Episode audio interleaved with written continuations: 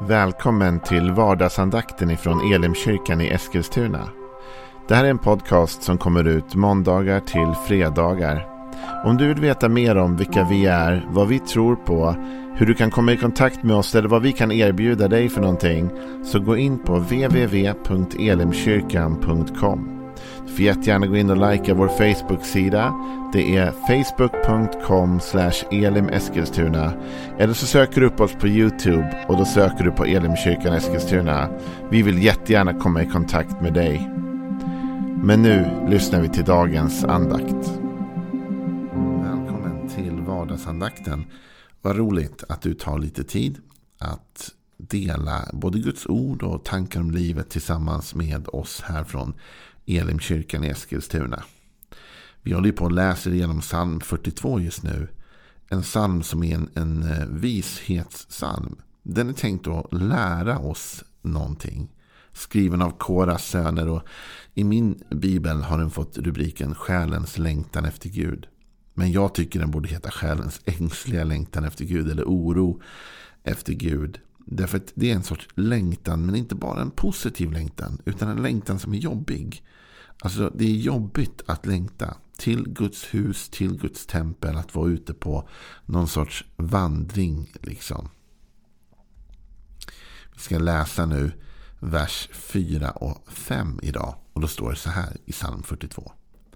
Mina tårar är min mat dag och natt. Och ständigt säger man till mig, var är din Gud? Jag utgjuter min själ och minns hur jag gick bland folket. Hur jag vandrade med dem till Guds hus med jubelrop och tacksägelse i skaran av högtidsfirare.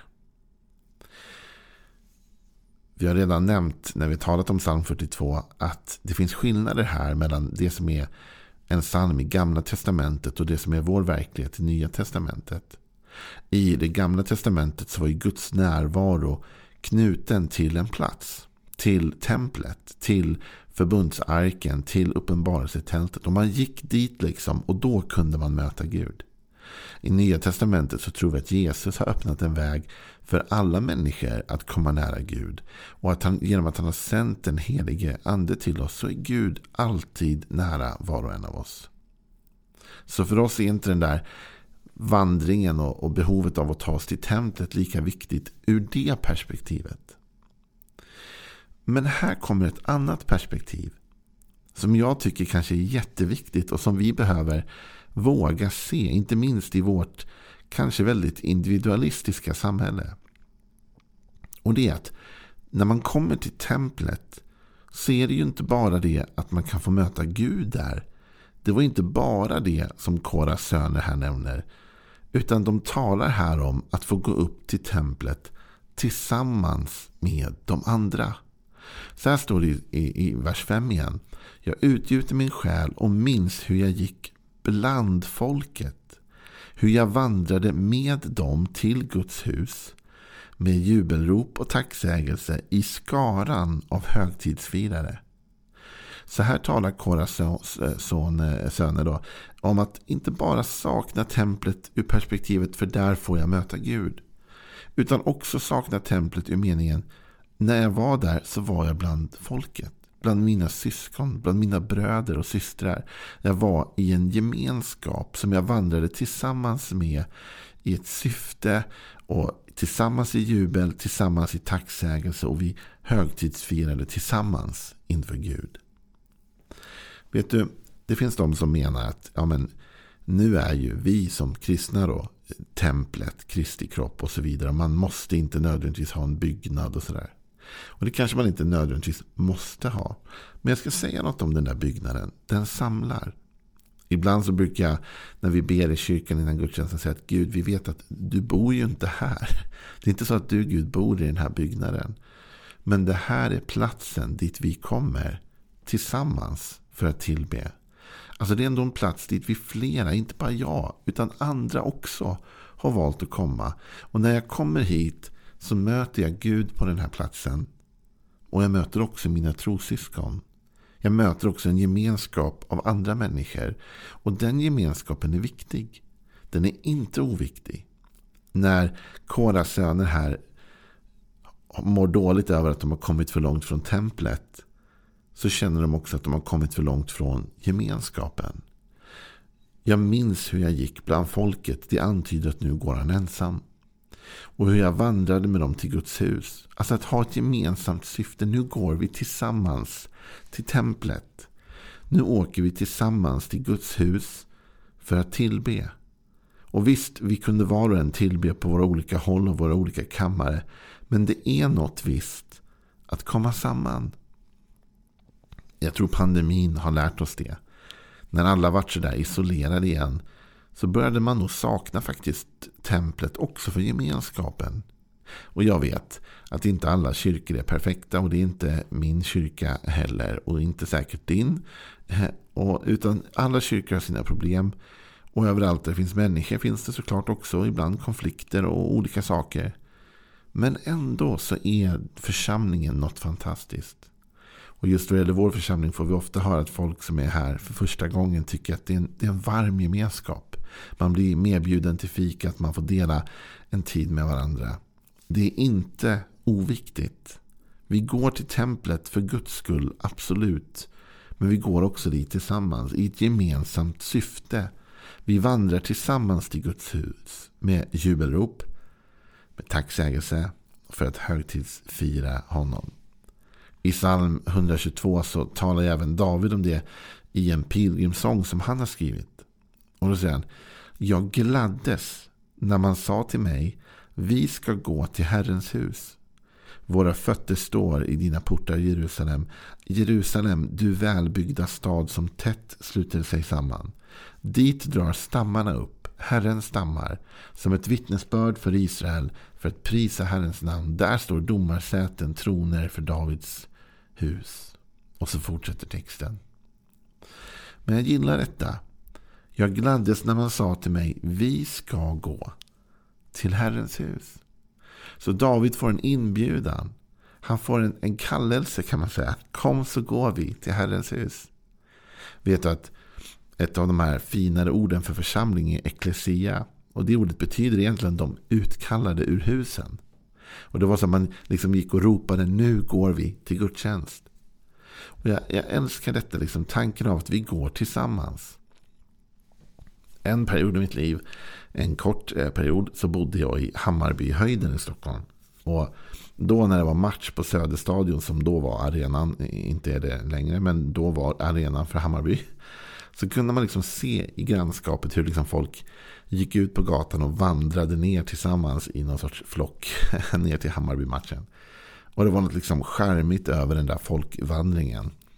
Vet du, ännu mer så när vi kommer till Guds hus, eller hur? Att det finns något vackert i att vi tillsammans vandrar dit. Och att vi är där tillsammans. Att vi hittar en gemenskap. Ibland känner jag att det är själva motgiftet mot ett samhälle som blir allt mer individualistiskt. Men vi säger nej, nej. Vi kommer samman. Vi tror på en församling och en gemenskap av människor som tillsammans tillber och ärar och tjänar Gud. Så mycket av det språket används genom hela Bibeln. Det här vi-språket. Till och med Jesus, när han ska lära oss att be. Lärjungarna säger, Herre, lär oss att be. Och Jesus han svarar, så här ska ni be. Vår Fader som är i himmelen. Och genast där så antyds det att vi är ett folk. Vi är inte bara enskilda delar. Nej, vi hör samman. Vi tillsammans ber. Vår Fader. Och jag vet inte om det finns något vackrare egentligen än när vi kommer samman i kyrkan som ett folk. Och när någon går upp och kanske delar ett bekymmer, ett orosmoln. Och vi alla tillsammans bär den bördan i bön. Vi ber för varandra. Vi lägger händerna på varandra. Vi går fram till korset tillsammans. Vi söker tillsammans. Vi längtar tillsammans. Vi tackar tillsammans. Vi är ett folk som kommer samman. Och i psalm 42, i den här oroliga själen, så tycks det som att hans själ är orolig. Ett, för att han har kommit för långt från templet. Men också att i det att han har kommit för långt från templet har han också kommit ifrån gemenskapen och blivit ensam. Det är viktigt att du och jag förstår att den kristna tron är inte en solotro. Det är inte tänkt att leva ensamt utan det är tänkt att leva tillsammans. Tänk på Jesus. När han skulle ut i tjänst så var det inte så att han bara packade ihop sin väska och drog ut och började liksom betjäna folk. Utan han samlade direkt tolv personer som var med honom där ute och tjänade tillsammans med honom. När han sänder ut lärjungarna på uppdrag så sänder han ut dem två och två. Att vandra tillsammans. Vi här i Elimkyrkan tycker det här är viktigt. Det är därför vår bibelskola heter Bibelskola Tillsammans. Därför vi tror att tron är inte bara en, en enskild grej som man håller för sig själv, en privatsak. Det är inte det. Utan tron är en folksak, kan man säga. En gemenskap, en familj. Så när vi kommer för långt ifrån templet kommer vi också för långt ifrån våra bröder och systrar. Vi kommer för långt ifrån vår familj på ett sätt. Och det kan göra oss oroliga och göra oss ensamma. Och Hebreerbrevet varnar oss för den utvecklingen faktiskt. Och i Hebreerbrevet 10 så talas det om då att hålla fast vid tron och att uppmuntra varandra. Och i Hebreerbrevet 10, vers 24 och 25 så står det så här. Låt oss ge akt på varandra och sporra varandra till kärlek och goda gärningar. Och låt oss inte överge våra sammankomster så som några brukar göra utan istället uppmuntra varandra. Och det så mycket mer som ni ser att dagen närmar sig. Här blir vi uppmuntrade du och jag att inte överge sammankomsterna. Utan istället mötas så att vi kan sporra varandra, ge akt på varandra och uppmuntra varandra till goda gärningar. Det är någonting som du och jag kan göra när vi kommer samman. Så dagens andakt har denna uppmuntran till, till varandra. Låt oss inte överge sammankomsten utan låt oss förstå att vi behöver varandra. Vi behöver vandra tillsammans. När vi kommer till templet så kommer vi som ett folk och tillber vi som ett folk. Och när vi kommer för långt ifrån den gemenskapen då blir vår själ orolig. Då känner den att vi saknar någonting. Har du någon gång varit på en plats och upplevt att det saknades någon? Någon i familjen är inte hemma och det blir en oro. Alltså, så känner jag ibland när mina barn, något av mina barn har haft en så här, sovit över hos en kompis eller något. Och så känner man att det saknas någon här hemma. Så blir man nästan lite orolig. Så är det i kyrkan också. När vi inte kommer samman så skapas en oro hos oss. Därför att vi vet att vi borde vara där för varandra. Vi borde stötta varandra. Vi borde uppmuntra varandra. Vi borde bära varandra. Och det är ju en uppmaning från Bibeln själv. Bär varandras bördor. Ja, det här var några tankar som du kan ta med dig idag. Min uppmuntran till dig är överge inte sammankomsterna. Sök dig till gemenskapen. Och jag vet att en del av er har svårt med det. Därför man är sjuk och man kanske inte kan komma hemifrån. Man är på olika sätt bunden. Men se då åtminstone till att du kopplar upp dig på gudstjänsterna.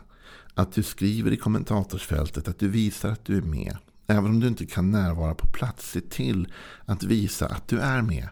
Se till att visa att jag är visst en del av folket även om min kropp håller mig hemma just nu. Eller av olika omständigheter kan jag inte komma ner till templet. Men koppla inte bort dig själv ifrån det. Idag har vi fantastiska möjligheter med liksom det digitala att kunna ändå vara närvarande. Men så länge du orkar och så länge du kan och så länge din kropp tillåter dig. Se till att ta dig till templet, till huset, till hemmet. Se till att vara en del av gemenskapen av familjen. Överge inte sammankomsterna. För det kommer skapa en oro i dig. Som du kanske inte först förstår men som sen blir ett problem. Utan dela livet tillsammans med dina andliga syskon.